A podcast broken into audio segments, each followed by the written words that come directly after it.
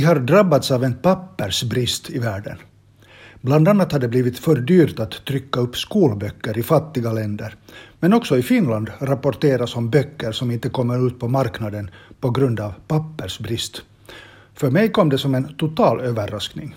Jag trodde det fanns för mycket pappersproduktion.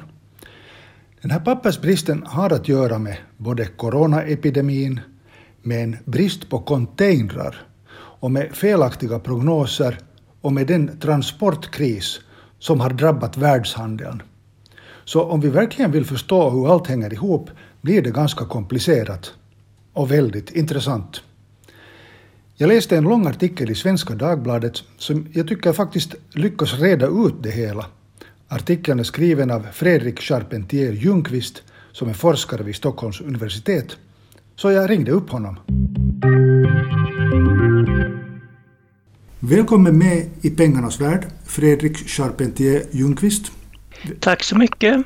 Du är docent i historia och i naturgeografi vid Stockholms universitet och du har tittat på den här frågan. Hur kom det sig förresten? Det korta svaret är att jag faktiskt blev tillfrågad om jag ville skriva den här artikeln i Svenska Dagbladet.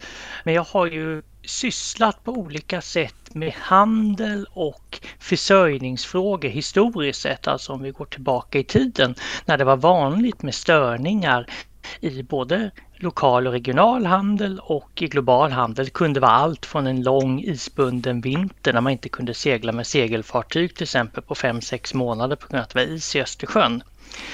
Eh, men de här typerna av problem har vi inte idag och det är också ovanligt att olika epidemier eller pandemier ställer till några problem i världshandeln eller även med blockader och sånt är extremt ovanligt idag.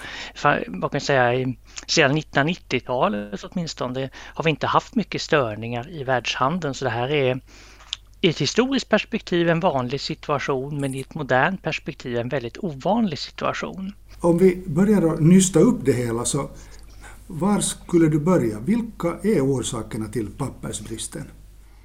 Det finns flera skäl till det. För det första är det olika typer av logistiska störningar som har begränsat tillgången på containrar och containerfartyg och gjort då containerfrakt mycket dyrare och det har förvärrat en redan tidigare existerande brist på containrar.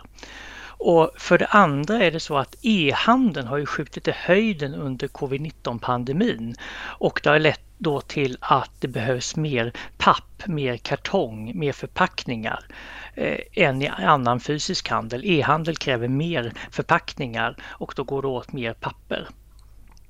Och dessutom har man då egentligen tänkt fel. Många som har tänkt på hur mycket produktionskapacitet behövs, hur mycket transportkapacitet behövs, utgick från att handeln totalt sett skulle gå ner och ganska varaktigt under pandemin på grund av restriktioner och framförallt eh, ekonomisk nedgång på grund av dessa restriktioner. Istället har varukonsumtionen i allmänhet och i synnerhet e-handeln gått upp både i Europa Europa och globalt sett.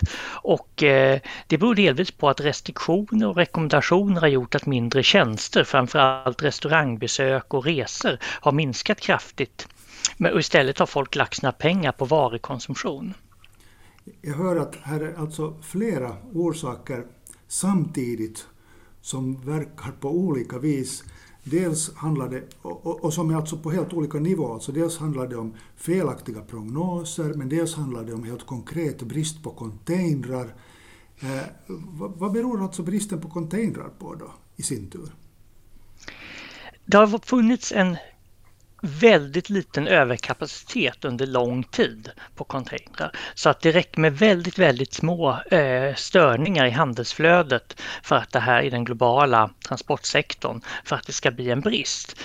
Och en huvudanledning var att under den så kallade första vågen av covid-19, alltså ja, egentligen mars och april 2020, då föll den kombinerande exporten från Europeiska unionen och USA med ungefär en fjärdedel, alltså 25 procent, väldigt tillfälligt. Men däremot minskade inte importen så mycket från andra världsdelar.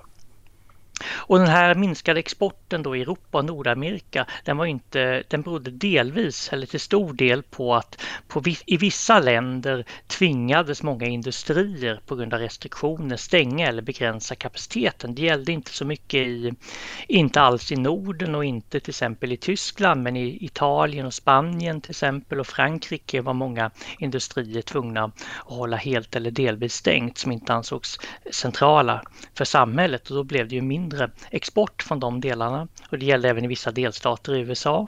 Och då fanns det mindre exportera och eh, då kom det in många, nästan lika mycket varor som vanligt, inte riktigt men nästan, men det var mindre att exportera då. Och det innebar att man istället för att ibland åkte man med tomma containrar, det vill man undvika så att det kom massa varor från Asien men fördes mindre varor tillbaka till Asien än vanligt och då blev det containrar som pajlade upp i hamnar i Europa och i USA framför allt. Medan då Kinas exportmarknad och även Ostasien i allmänhet tog en väldig fart sommaren 2020 och där var det den mest akuta och fortfarande den mest akuta containerbristen i Asien då. Eh, och eh, det var ju lite oväntat att exportindustrin där skulle ta en sån fart, men det gjorde den. Och eh, då blev containertransport väldigt dyrt. Och det man ofta glömmer då när det gäller papper är att Kina är världens största producent av eh, papper och eh, Japan är den tredje största producenten av pappersråvara eller papper och Sydkorea den femte största. Man kan ju tänka sig att det skulle vara länder inte vara asiatiska länder som Sydkorea som inte har så jättemycket skog och inte Kina heller men de är de särklass största producenterna då Kina nummer ett pappersproducent, Japan den tredje största och Sydkorea den femte största. Och i den här situationen när pappförpackningar då eh, finns en stor efterfrågan på, då går ju priserna upp när det finns de här flaskhalsarna i transportsektorn. Jag försöker nu hålla i huvudet olika orsaker och verkan. Och då inser jag att här, delvis som du redan sa, så, så handlar det helt enkelt om felaktiga prognoser. Man trodde att, att eh, handel skulle stanna upp helt och hållet, men det gjorde den inte. Eh, men sen kommer här alltså med andra ord också in en helt krassa ekonomiska kalkyler att det lönar sig inte att skeppa tomma containers till Asien för att sedan eh, köpa dem tillbaka fulla med varor. Men när det gäller de här felaktiga prognoserna, det är ganska typiskt. Det är därför planekonomi i princip aldrig fungerar. För att alla sådana här prognoser eller planer hur saker ska hur folks beteende ska vara. Framtidsprognoser slår oftast fel och eh, ofta är de lite katastrofala eller liksom pessimistiska just när det är under en pandemi eller så. Att det var en tillfällig kraftekonomisk nedgång, hög arbetslöshet, inte minst till exempel i USA. Men det hämtade sig eh, snabbare än de flesta trodde och är faktiskt snabbare än också jag trodde. Och var inte så här långsiktig nedgång och jag tror att man underskattade också e-handelns uppgång. Det här är också en annan aspekt i det här att det är en pågående trend. E-handeln har under lång tid gått upp. Det här är ju, pandemin har ju bara accelererat det. Och en annan sak som är viktig när det gäller en ökad efterfrågan då på papp och kartong, det är att man försöker fasa ut, inte minst i Europa, plastförpackningar och då ersätta med papper till exempel och andra förnyelsebara material. Och det gör att efterfrågan har ökat. Jag tror att vi i Finland, det vill säga pappersindustrin i Finland, också har bidragit till den här trenden genom att här har också det lagts ner pappersfabriker och ersatts med kartongfabriker just för att satsa på, på e-handeln. Vi diskuterar alltså här i pengarnas värld med Fredrik Charpentier Ljungqvist som är docent vid Stockholms universitet. Och rubriken för den här diskussionen var pappersbristen men som den som har lyssnat redan inser så är det en hel massa som vävs in på, i den här problematiken, det vill säga hela den här transport och logistikproblematiken som, som det har diskuterats mycket om, hur företagen har enorm brist på, på olika komponenter och hur företagen har svårt att få ut sina varor till konsumenterna på grund av transportproblem. Eh, om vi fortsätter diskutera så den här pappersbristen, vem drabbas just nu av den då? Det kan klart sägas att, det, att tryckerier till exempel som trycker böcker, att papper har blivit mycket dyrare och de som först och främst drabbas i en bristsituation när priserna går upp, det är de som har små budgetar. Och till exempel skolböcker, tryckning av skolböcker i Afrika har drabbats kanske allra hårdast. Där finns det på de flesta håll i Afrika inga realistiska digitala eller andra alternativ heller.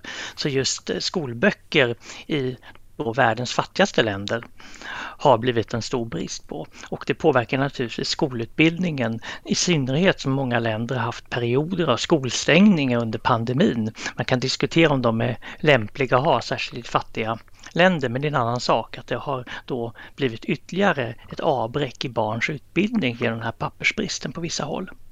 Är världshandeln helt enkelt för topptrimmad och, och för sårbar för att det finns så små marginaler och, man kan åtminstone notera att handeln har ökat och globaliseringen och europeiseringen har ökat under en lång tid. Och eh, framförallt med de snabba tillväxtekonomierna har ju liksom eh, ah, ekon ekonomin växt, vuxit och globaliserats väldigt snabbt och infrastrukturen hänger ofta inte med. Alltså den här logistiska infrastrukturen som hamnar i volymökningen. Det här är ju väldigt vanligt att någonting växer före det finns en infrastruktur som är tillräckligt. Det är precis som att städer kan få växtverk och få bostadsbrist, akut bostadsbrist som i Stockholm och väldigt dyra bostadspriser och en dysfunktionell bostadsmarknad för så många som flyttar till stan. Stan växer liksom snabbare än det finns ibland både bostäder, kollektivtrafik, skolor, sjukvård och andra saker. Det här är ett generellt fenomen och eh, som är väldigt tydligt, särskilt i Europa Europa men också på många andra håll där man är helt beroende av en fungerande global marknad. Och det har gett mig åtminstone att dra några reflektioner när man tittar på coronarestriktioner, till exempel karantän som hamnpersonal har satt sig i, inte minst i Kina men också i vissa andra ställen i Asien när det varit bara de minsta utbrotten eh, av covid-19 bland hamnpersonal och det har förvärrat den här krisen. Som värst att ju över 70 fartyg och väntade bara i en enda hamn i Kina på extra lång avlastning. Och det har varit upp till 400 containerfartyg som har befunnit sig som mest i den här situationen globalt sett och då framförallt i Asien. Och eh, uppenbart har ju asiat, många asiatiska länder eh, prioriterat att så länge som möjligt försöka hålla covid-19 borta före att få en smidig fungerande handel. Man har klarat vissa avbräck och det är väldigt intressant att notera att vissa länder som till exempel Sverige är beroende av att kunna köpa i princip dagligen, har inga lager. Och beroende, I Finland har man lite mer lager som bekant och kan klara sig lite längre själv. Men många länder är ju, är ju framförallt i Europa beroende hela tiden av en friktionsfri eh, världsmarknad, i synnerhet en friktionsfri europeisk marknad. Den har inte störts av det här men den globala marknaden har ju störts av det. Och man klarar inga förseningar eller störningar medan då uppenbart verkar det som, igen utanför mitt expertisområde, men att vissa asiatiska länder kan klara sig att eh, handeln inte fungerar friktionsfritt ett litet tag. Att man har, eh, är mindre, man kan säga, beroende av omvärlden och ju mer marknadsintegrerad man blir eh, globalt, desto mindre störningar klarar ju ett samhälle, sådana här logistiska störningar. Om man är mindre marknadsintegrerad klarar man sig ju så att säga bättre för man är, mer, är mindre beroende. Både i Finland och i Sverige så har vi ju dragit nytta av den här globaliseringen på, på det sättet att vi har, har många internationella bolag som verkar runt om i världen. Men för att, för att förhindra och, och för att på något vis eh, inte skapa sådana här störningar i, i, i de här transporterna så borde vi då ta hem produktion igen. Det där är, jätte, det där är jättesvårt att svara på i, i stor del en politisk eller liksom ideolo, ekonomisk ideologisk fråga eh, som jag vill passa till andra. Naturligtvis eh, finns det många fördelar att ha eh, om man vill ha kontroll över produktion och tillgången till den att ha den i Europa. Men eh, det finns många fördelar med globalisering också och jag tror inte att det kanske är den allra smalaste sektorn utan just att vi är vana vid väldigt billiga transporter.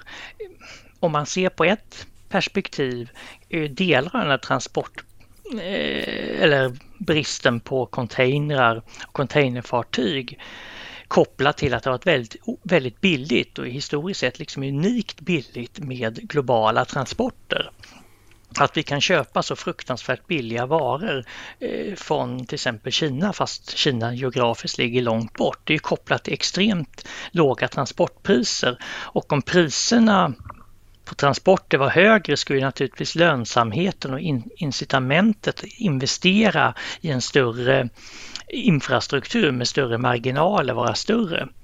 Eh, åtminstone föreställer jag mig det att om det, vore, om det kostade mer med frakt eh, skulle det vara fler som liksom investerade också långsiktigt i en stor kapacitet där. Eh, när det är låga priser brukar en sektor ofta vara ganska pressad. Eh, det här är mer spekulativt men man kan tänka sig att om priserna vore högre skulle det finnas eh, man kan säga, mer fallhöjd än i en ganska pressad sektor. Du sa här i början av vår diskussion att vi idag inte är riktigt vana vid den här typen av störningar i världshandeln och i transporter och leveranser. Men om vi tittar 100 år bakåt, 200 år bakåt eller 300 år bakåt, hur, hur såg det ut då? Var det, var det snarare regel än undantag att det var störningar i transporterna? Borde vi ha mer tålamod idag? Alltså 200-300 år tillbaka och knappt 100 år tillbaka i tiden kunde man inte räkna med att klara sig en längre tid utan att vara självförsörjande på många basvaror. Vi hade ju en handel, en omfattande handel med råvaror och med lyxvaror men eh, den, en stor del av produktionen var ju tvungen att vara relativt lokal. För dels fanns det inte kapacitet rent logistiskt för en väldigt omfattande eh, framförallt interkontinental handel men den var ju också mycket långsammare med den tidens infrastruktur och på olika med eh, de geopolitiska förhållandena som rådde då och om vi går tillbaka 200-300 år även saker som eh, faktorer som pirater och olika störningar men också helt enkelt att innan vi fick ångfartyg på andra halvan av 1800-talet i metall kunde man inte åka i Östersjön, i synnerhet inte till Finland vintertid. En hård vinter kunde vara is 5-6 månader, då kunde man inte ha några transporter, men omvärlden var isolerad. Eh, så så var helt andra förutsättningar. Man var mycket mer känslig också för förlisningar till exempel. Det var mycket vanligare att fartyg förliste, att det var blockader under krig, pirater och alla möjliga och liksom att transporterna gick relativt långsamt. Det sker en explosion under 1800-talet, inte minst andra halvan av 1800-talet med ångfartygen där man kan tala om en verklig globalisering av ekonomin som också är sammanknuten till kolonialismen. Och den, har ju, den avtog faktiskt i slutet av 1800-talet med geopolitisk konkurrens och sen med första och andra världskriget och den riktigt moderna explosionen av globaliseringen igen tar fart efter andra världskriget. Man kan faktiskt säga att på runt mitten av 1800-talet var det en högre grad av marknadsintegrering för vissa varor, som spannmål till exempel, eh, än det var i början av 1900-talet. Så det är inte en linjär utveckling. Men vi har sett en explosion i modern tid och den här har ju tagit fart med ekonomisk liberalisering, östblockets fall, Europeiska unionen och så vidare sedan 1990-talet. Mm. Det ger lite perspektiv när vi idag diskuterar våra transportproblem. Tack så mycket Fredrik Charpentier Ljungqvist för att du var med. Tack så mycket för att få bli inbjuden. Du har just hört I pengarnas värld med Pekka Palmgren.